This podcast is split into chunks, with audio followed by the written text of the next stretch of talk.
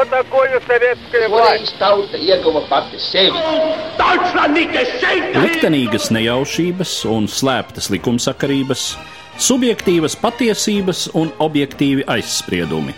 Pēc atkušņa nekad nenāk uzreiz pavasars, bet sākās Arī šodien cilvēki ir ļoti tuvredzīgi. Viņi redz to naudu, kas ir. Televīzijā jau pamatā notiek cīņa par varu. Pagātne no šodienas skatu punkta un šodienas caur pagātnes prizmu. Raidījumā šīs dienas acīm. Katru svētdienu Latvijas radio eterā Eduards Liniņš. Labdien, cienījamie klausītāji! 1934. gada 12. septembrī Ženēvā tiek noslēgts līgums starp trīs Baltijas valstīm, kuru mēs saistām ar apzīmējumu Baltijas Antante. Kas tad bija tā sauktā Baltijas Antante, kāds bija šīs savienības raksturs un liktenis, par to mūsu šodienas saruna. Mans sarunbiedrs studijā vēsturnieks Artūrs Žvinklis. Labdien! Labdien!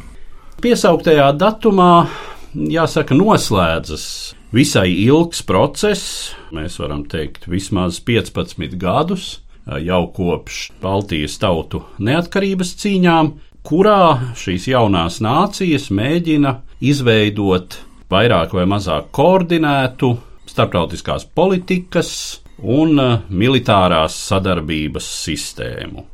Pirmās līdzīga rakstura sarunas notiek jau 19. gadā, un tobrīd šais sarunās piedalās arī salīdzinoši lielākās kaimiņu valstis, proti Polija un Somija, un kādu brīdi ir cerības, kā varētu izveidot tādu spēcīgu jauno Austrum Eiropas, Ziemeļaustrum Eiropas valstu bloku, taču tas neizdodas. Kāpēc tā?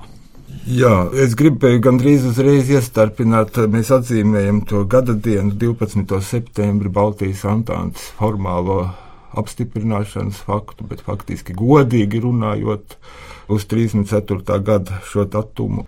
Kāda reāla Baltijas valstu savienība tā arī nebija izveidojusies. Es ļoti skeptiski uz to skatos. Jā, jau 19. gadā sākās šīs sarunas, sabiedroto meklējumi un vienotas aizsardzības politikas skaldināšanas plāni pareizi tika iesaistīta Polija un Somija, bet jau uzreiz iezīmējās arī šīs domstarpības, ļoti asās domstarpības, īpaši starp Lietuvu un Poliju, Viņas apgabala jautājums, un tā rezultātā būtībā uzreiz atkrita Polija, atkrita Somija, atkrita Lietuva, jo nostāties vienas puses, teiksim, Latvija atradās topošās savienības geogrāfiskā centrā. Ņemot vērā Meierovics darbību, varēja stabili pretendēt arī uz politiskā centra lomu šajā topošajā savienībā, jo Meijerovics ieguldījums patiesi bija milzīgs un pūliņi ļoti lieli, lai izveidotu šo savienību. Meijerovics bija viens no tiem retajiem Baltijas valstu līderiem, kuru pagodināja ar karikatūrām pat padomju tā laika prese kurai ļoti nepatika šīs Meijerovicas aktivitātes, saprotot, ka vispirms šī aizsardzības savienība tiks veidota iespējamās padomju Krievijas, vēlāk padomju savienības agresijas gadījumam. Bet, kā jau es teicu, savstarpējās nesaskaņas starp Poliju, Lietuvu, Somiju savus skatus vērs Skandināvijas valstu virzienā. Acīm redzot, arī pietiekami labi saprata, ka ņemot vērā šīs savstarpējās nesaskaņas Baltijas valstu starpā, diez vai šāda savienība arī taptu reāli. Te jāņem arī vērā vēl viens moments - Padomju Savienības diezgan veiklā diplomātiskā politika, kas nozīmē skaldīt un valdīt. Jau to toreiz iezīmējās šī tendence, kad par naidīgām valstīm, protams, loģiski tika pasludināts Polija un Somija ar Latviju, īpaši Lietuvu. Šīs attiecības tika pasludinātas par ļoti normālām, labām kaimiņu attiecībām. Šeit jau iezīmējās arī šī tendence, un tā pastāvēja būtībā par visu 20. un 30. gados nemainīgi līdz Otram pasaules kara sākumam. Būtībā par Baltijas antanti mēs varam runāt kā par līgumu sistēmu jo to ievadīja 1923. gada 1. novembrī starp Latvijas un Igaunijas republikām noslēgtais līgums par aizsardzības savienību. Tas jau bija militārs līgums.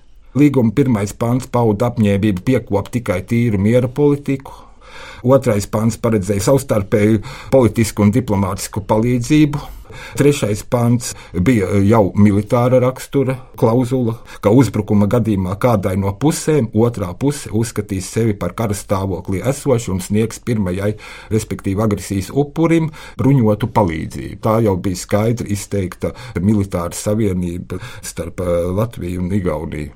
Tas bija ļoti svarīgs moments. Un jāņem vērā, ka šo līgumu tālākā gaitā neviens neatcēla 20. un 30. gados, tas turpināja darboties. Protams, nevienai no pusēm reāla agresija no kādas ārvalstu puses nenotika, ja neņem vērā 1924. gada 1. decembra sacelšanos Tallinā, bet te jāņem vērā, ka tas tika darīts tādā veidā, ka to varēja uztvert kā iekšēju lietu. Tur eh, nefigūrēja Padomju Savienība kā oficiāls dalībnieks šo notikumu. Tas ir kominterna jautājums. Tā starptautiskam konfliktam, protams, šī lieta nenonāca toreiz. Un eh, līguma trešo pantu iedarbināt nenācās. Savukārt tālākos pantos bija noteikts, ka miera slēgšanas gadījumā arī ir jāsaskaņo abu pušu viedoklis, un miers šādā gadījumā pēc agresijas slēdzams ar abu pušu piekrišanu. Tas tiešām bija šis līgums ciešas savienības pieteikums.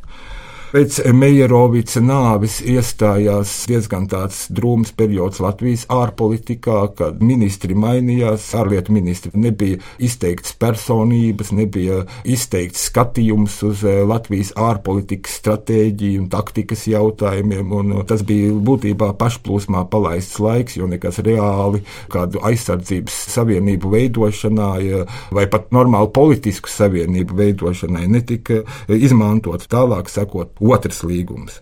Vēl pirms līguma, par ko mēs šodien runājam, tajā pašā 1934. gada 17. februārī šoreiz tika noslēgts atkal līgums starp Latviju un Igaunijas Savienības organizēšanai.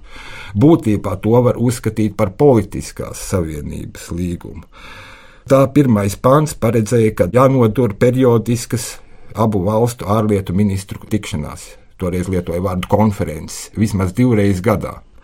Līguma trešajā pantā bija nolēmts dibināt padomi abu valstu likumdošanas saskaņošanai. Tātad runa jau ir par ciešu politisku savienību, jau likumdošanas saskaņošanas e, līmenī. Protams, vēlāk izrādījās, ņemot vērā iekšpolitiskos notikumus Igaunijā un Latvijā, tad e, reālas lietas, kas notiktu e, izpildot šī līguma trešā pantu, es diemžēl minēt nevaru. Tad pienāca kārta 1934. gada 12. septembrī Ženēvā parakstītājiem saprašanās un sadarbības līgumam starp Latviju, Lietuvu un Igauniju.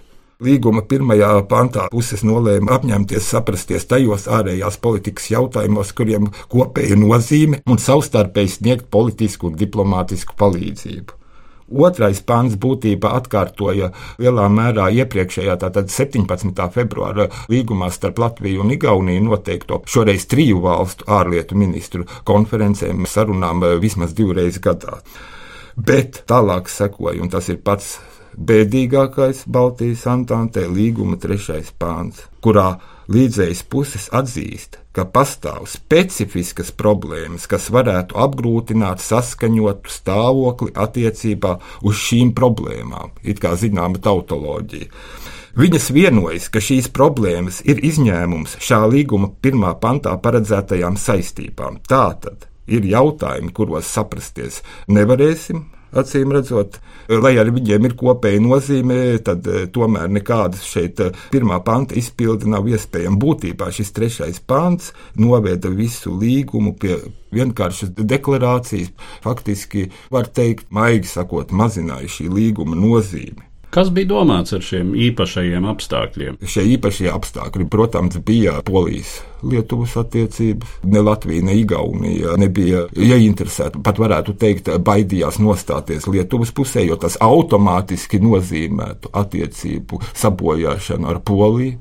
Polija tomēr pretendēja uz lielu valsts lomu. Austrumē Eiropā tā tas arī bija. Un šeit nevarēja būt runa, ka Latvija un vēl jau vairāk Igaunija nostātos Lietuvas pusē. Līguma trešo pantu sastādot skaidrs, ka pirmkārt bija domāts tieši šis konkrētais Polijas-Lietuvas konflikts, bet jāņem vērā, ka tur jau nav teikts, ka tikai Polijas-Lietuvas konflikts attiecas uz šo trešo pantu. Tur ir šis pants vispārīgi, un tas nozīmē, ka ja kāda no pusēm uzskata, ka viņu šis jautājums neinteresē, vai nostāšanās pārējo pušu pozīcijās nozīmētu attiecību sāsinājumu ar vēl kādu valsti. Viņi jebkurā brīdī varēja paziņot, ka tas ir šāds specifisks jautājums, kas attiecas uz līguma trešo pantu un nav eh, šajā gadījumā pakļauts šī līguma darbībai. Kā mēs vēlāk redzējām, 1940. gadā tā arī notika, kad uh, padomju uzspiestie līgumi par eh, bāzu izvietošanu Baltijas valstīs būtībā tika slēgti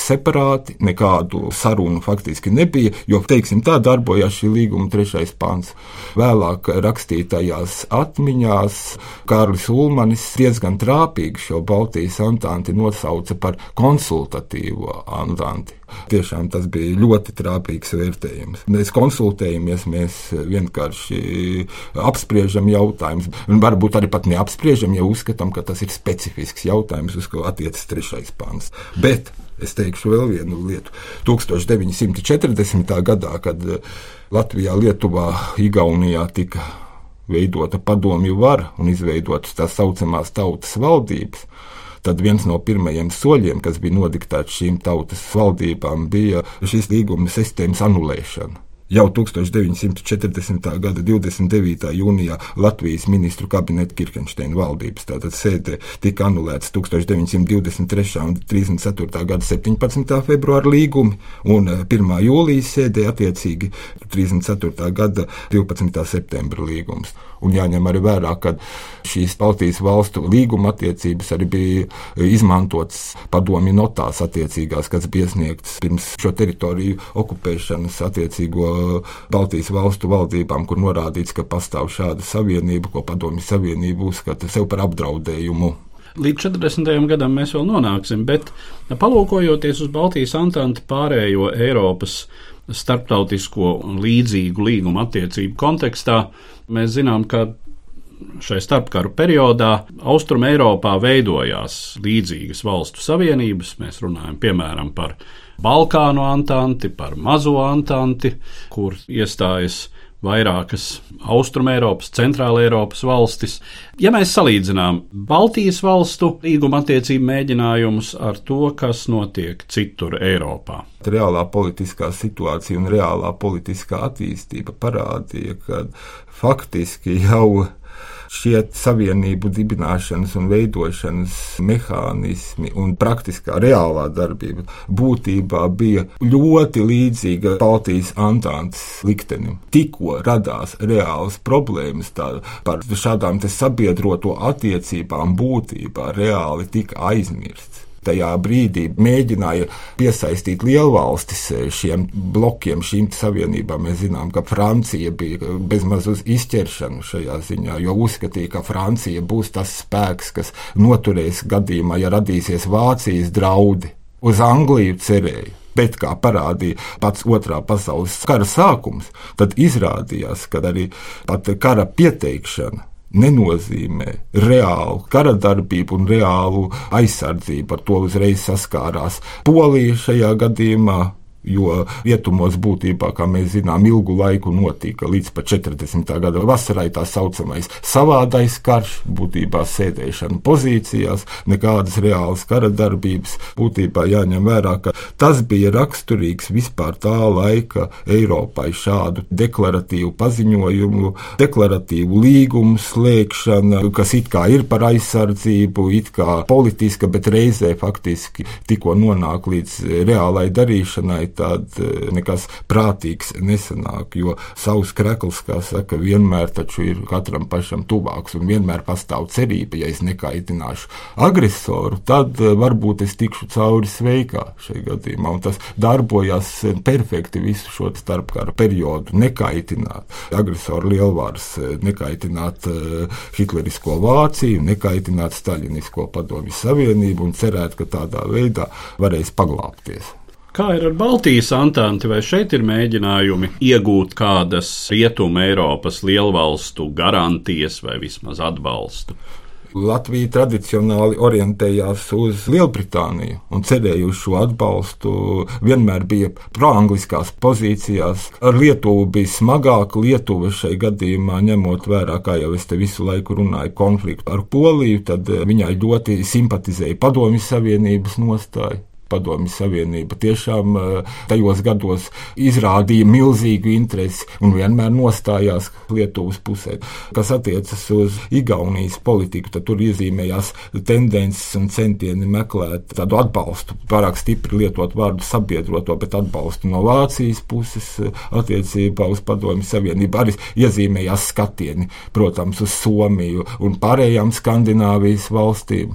Runājot par Baltijas Antanti 30. gadu otrajā pusē, pieaugot arī nestabilitātei un kara draudiem, kas tad tiek spriests šādās ministru sanāksmēs, kas tiek rīkots periodiski? Protams, ministru konferencēs, jeb sanāksmēs, tiek spriests par tiem notikumiem, kas e, norisinās Eiropā attiecīgā brīdī un e, kā tas varētu ietekmēt Baltijas valstu drošību un uh, politiku, kādu nostāju ieņemt.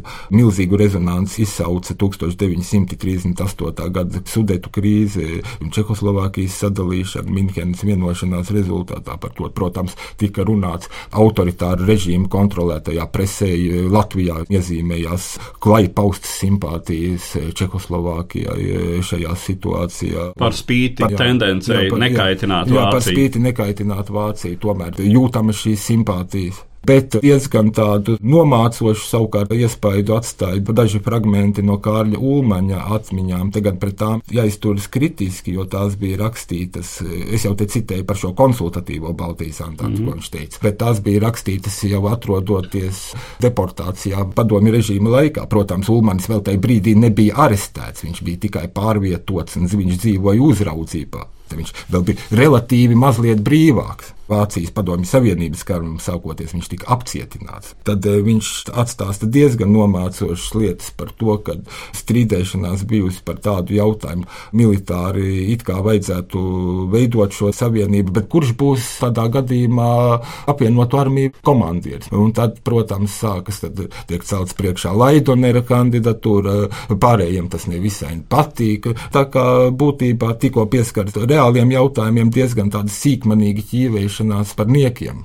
Respektīvi, armijas vēl tādas nav, bet uh, jau dalīt pavēlnieku amatus un pretendēt uz goda nosaukumu saņemšanu, tas stipri bieži vien atgādina arī vēlāko situāciju, kā mēs redzējām pēc Latvijas, Lietuvas un Igaunijas neatkarības atguvušanas 91. gadā. Kaut ko līdzīgu noteikti, kad atvērsies šie arhīvi, mēs ieraudzīsim un diez vai sajūsmā būsim tas izšķirošais pārbaudas brīdis pienāk uh, Baltijas Antantei. Mēs varam teikt, droši vien 39. gada martā, kad uh, Vācija ultimatīvi pieprasa atdot te atpakaļ tagadējās Klaipēdas apgabalu.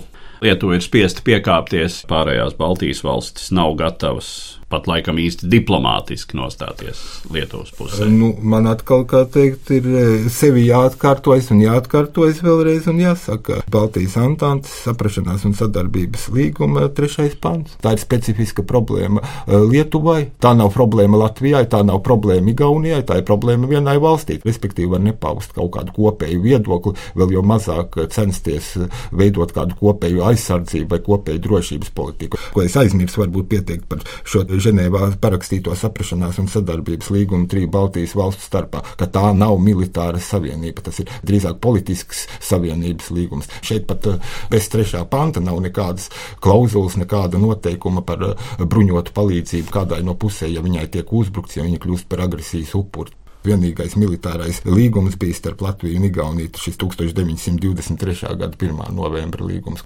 Neskatoties uz Baltijas Antantes līguma, es atļaušos teikt, lielā mērā iluzoro raksturu. Padomju Savienībai tas ir arguments 40. gadā. Kaut nepilnu gadu iepriekš tas nav traucējis nekādā veidā Padomju Savienībai uzspiest visām trim Baltijas valstīm pēc kārtas tā sauktos bāzu līgumus, izvietot šeit savu karaspēku kontingentu. Neskatoties uz to, Padomju Savienība deklarē, ka šīs Baltijas Antānas attiecības, kā jūs jau teicāt, ir Padomju Savienībai apdraudošas. Varbūt mazliet vairāk par šo situāciju 40. gadā, par padomju argumentāciju. Jūs ļoti pareizi teicāt, atkāpšos vēl mazliet atpakaļ. Uz to pašu 39. gada oktobri, kad tika slēgti šie uzspiestie savstarpējās palīdzības pakti. Tad, eh, protams, šajās sarunās nekādā veidā nefigurēja jautājums par to, ka triju Baltijas valstu starpā pastāv šāds līgums un ka šis līgums būtu traucēklis vai traucēklis būtu, teiksim, 23. gada militārs līgums par to padomju savienību. Protams, zināja, šie līgumi nebija slepeni. Latvijas, Lietuvas un Igaunijas diplomātija neraksturoja slepenība, atšķirībā no padomju savienības un nacistiskās Vācijas. Šie līgumi bija pieteikti starptautiskās tiesīskās kārtības, kāda toreiz pastāvēja, ietvaros Ženēvā, Tautu Savienībā, reģistrēti. Un, protams, Padomju Savienība lieliski zināja par Ženēvā noslēgto Baltijas Antānas līgumu. Protams, ka tajā brīdī nekādu jautājumu nebija. 40. gadā, kad tika sastādīti un sagatavoti ultimāti Baltijas valstīm, ja Padomju Savienības valdības paziņojumi attiecīgie, tad izrādījās, ka Latvijai un Lietuvai un Igaunijai lūk, būtu vajadzējis pašām saprast, zemteksts šī notai bija tāds, ka jūs, trīs Baltijas valstis, tā arī pašas nesat sapratušas, ka jūsu starpā pastāv līgumi, kuri mums ir naidīgi. Jums pašām vajadzēja slēgt ar mums savstarpējās palīdzības paktus, atteikties no šiem līgumiem. Un jūs izrādās turpināt to pašu politiku šai līguma ietvaros kuri mums ir naidīgi. Trijotā mēģināt noturēt ārlietu ministru konferences, mēģināt noturēt sarunas starp augstākām militāru personām. Parādījās jautājums par Baltiku Review žurnālu, kas lūk, ir tik naidīgs un tik briesmīgs padomju savienībai. Faktiski šo žurnālu neviens pat nezināja reāli, kā teikt. Tas nebija nekāds plaši izplatīts izdevums, un, protams, ka eh, viss šis naidīgums padomju savienībai bija izpūsts. Nekur šo valstu presē neparādījās ne mazākās norādes uz to, ka tiktu kādā veidā kritizēta padomju savienības iekšpolitika, ārpolitika, vēl jau vairāk Staļina valsts militārās darbības agresija pret Somiju, Ziemasskarš, nekādas kritikas mēs neatradīsim. Nekā tāda nebija. Vistīrākā padevība, cerība uz to, ka agresoru nekaitināšana nodrošinās miera saglabāšanu. Diezgan neizbēgami mums ir jāpaskatās arī uz to, kā tas izskatās šobrīd. Protams, situācija Eiropā ir radikāli citādāka, kas nosaka Latvijas orientāciju vispār visus tos diplomātiskos un militāros standartus, kādos Latvija starptautiski darbojas. Es te gribētu vienu ļoti varbūt nepopulāru lietu pateikt. Tomēr, zinat, mēs cauri vien tagad dzirdam, ka Latvija lūk nespēja vai nevar izpildīt šo 2% normu izdevumus aizsardzībai. 20. un 30. gados Latvijai bija klasiska tipa pilna apmēra armija. Ne slikta armija, ne niecīga armija, bruņota ar tankiem, bruņota pat ar lidmašīnām, bija pat divas zemūdens, ronas un spīdola. Bet lieta ir tā, ka var būt situācija, un to pierādīja 39. un 40. gada notikumi, kad eh, neglābi šāda armija, neglābi šie izdevumi. Tie nebija tikai 2% toreiz no valsts budžeta. Ne jau 2, 3, 5, 10, 50% to nosaka. To nosaka valsts politiskā gatavība sevi aizstāvēt, Tas ir vai nav valstī ideoloģija, tas ir vai nav valstī tāda politika, kas garantē to, ka šīs valsts pilsoņi ir gatavi cīnīties par savu valsti. Diemžēl man jāsaka, ka par Latvijas gadījumu man ir milzīgas šaubas šādā situācijā. Tā kā, ja mēs tiešām gribam garantēt savu drošību, tad vispirms ir jādomā par sociālo drošību, par to, lai tiešām pilsoņu kopums, ieskaitot citautiešus, būtu gatavi saprast, ka tā ir viņu valsts valsts gatavi šo valsti aizstāvēt. Tas ir primārais. Te jāmācās būt no Čečenijas parauga kaut vai. Jā, tā ir cita mentalitāte, mēs teiksim, tā ir cita psiholoģija, tas ir cits domāšanas veids, protams. Jā, pareizi tā tas ir, bet Mums, kā Eiropai valstī, tomēr ir jāsaprot, ka ne 2, ne 10, ne 15% mūsu šai situācijā var neglābt. Drīzāk tie 2, 10, 15% ir jāiegulda kaut kur citur. Tur, kur tas var sekmēt to, ka mainās šis negatīvisms, kas diemžēl ir ļoti, ļoti raksturīgs pie mums. Vēlme aizbraukt, skaidrs, ka tā ir vēlme aizbraukt, kurš grib dzīvot par pārsimts latu algu mēnesī, pārsimts eiro. Piedošana mums vairs nav pat lati. Jo var jau dzelžos ieguldīt 2, 10, 50%, bet tas neglābs. Sāksim ar to, ka nebūs kas dzelžus vada Nebūs kam tas tiks par trofeju agresoram, varbūt ejam. Es te nesaucu konkrēti. Tieši tāpat kā 1940. gadā viss Latvijas armijas arsenāls eh, tika Padomju Savienībā. Es droši vien piebilstu, ka, ja mēs runājam par šo iekšējo stiprumu, šo pārliecību un gatavību cīnīties par savu valsti, tad uh, tur nu ne tikai nauda. Nemazāk svarīgi, es teiktu, ir politiskās elites, arī valsts ekonomiskās elites patriotisma piemērs. Mēs jau redzam, kā ir ar patriotismu piemēru šai sakarībā sankcijas, kuram eh, viņas ir smagāk pārdzīvojamas. Ne jau šim te uzņēmējam, smagāk būs strādniekam, kas būs zaudējis darbu. Galvenais smaguma nesējs kārtējo reizi būs, kā mēs runājam, cilvēks no ielas, vienkāršais cilvēks. Ne jau uzņēmējs, kuram ir vila tur, viena māja ārzemēs, varbūt pamatīgi konti offshore un tam līdzīgas lietas. Viņi nebūs galvenie cietēji nekādā gadījumā. Tā kā šis solidaritātes princips būtībā jau mēs tagad redzam, ka pilnīgi izpaliek. Sāksim ar to, viņš nedarbojās lielajā krīzē, no kuras mēs nesen tikai sākuši esam rāpties ārā. Un viņš, cik var redzēt, nedarbosies arī šodien šajā sankciju sakarībā. Nu, protams, ka tas veido attieksmi, un attieksmi, diemžēl, ne jau par labu Latvijas valstī vienīgs cilvēks nedomā pārsvarā gadījumā šajās pārkategorijās, ka valsts pāri visam, lūk, bezpersoniska valsts, kas mums ir svēta un galvenais. Nē, valsts izpaužas konkrēto politisko darbinieku darbībās, rīcībās un visā šajā, ko mēs redzam. Tāpēc tā vērtē šo valsti. Un tajā pašā 1940. gadā Ulmans izdarīja drausmīgu kļūdu. Galvenā kļūda bija pieteiktā prasība, ka tūdaļ pat visiem darba spējīgiem pilsētniekiem būs jābrauc uz mēnesi vai trīs mēnešiem lauku darbos. Lūk, kas atgrūda no Ulmaņa krietnu, krietnu sabiedrības daļu šajā brīdī. Brīvprātīgi daudzi skrēja šajās 40. gada vasaras demonstrācijās. Padomju režīms nespēja uzreiz organizēt šādas čekistu vienības, lai cilvēkus izdzītu ielās un piespiestu iet demonstrācijās. Tā bija galvenā ulmaņa kļūda, nevis jautājums pretoties, mobilizēt, nemobilizēt šajā brīdī armiju, militāri cīnīties vai necīnīties. Lielākā kļūda bija tieši šis lēmums par būtībā spaidu kartā uzliktiem lauku darbiem pilsētniekiem. Tas ļoti atsita no režīma, pret kuru līdz tam tiešām bija diezgan Latvijas pilsoņu vairākumā pozitīva attieksme. Vājināja tieši tas, ka Dūmanis bija uzurpējis visu varu.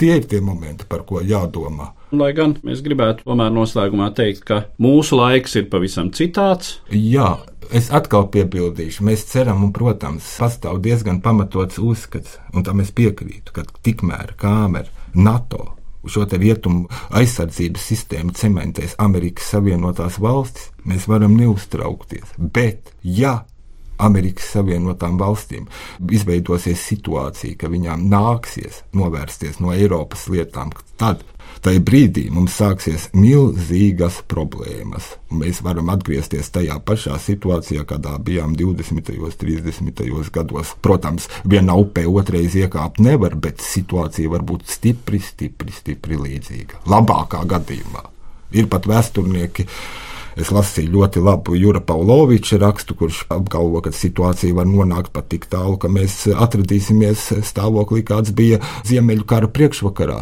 18. gadsimta sākumā. Starp citu, šķiet, ka tas nu gan ir dīvains izteikums, bet, ja dziļāk iedziļinās viņa argumentācijā, tad tur var atrast milzīgu biedējošu loģiku. Tajā brīdī, ja es vēlreiz saku, šo NATO sistēmu necimentēs Amerikas Savienotās valstis. Tam droši vien var piekrist, kas mūs noved atpakaļ pie tā secinājuma, ka, protams, trīs Baltijas valstis vienu pašu spēkiem savu drošību garantēt nevar. Tā ka mums atliek patiešām raidīt lūkšanas, lai Dievs dod izdošanos un ilgu mūžu Amerikas Savienotajām valstīm. Tieši tā. God bless America. Ar to tad es noslēdzu mūsu šodienas sarunu, kas bija veltīta Baltijas Antantes sistēmai, kas pastāvēja starp diviem pasaules kariem, un saku paldies manam sarunbiedram, vēsturniekam Arturam Žvinklim. Paldies! Katru svētdienu Latvijas radio viens par pagātni sarunājas Eduards Liniņš.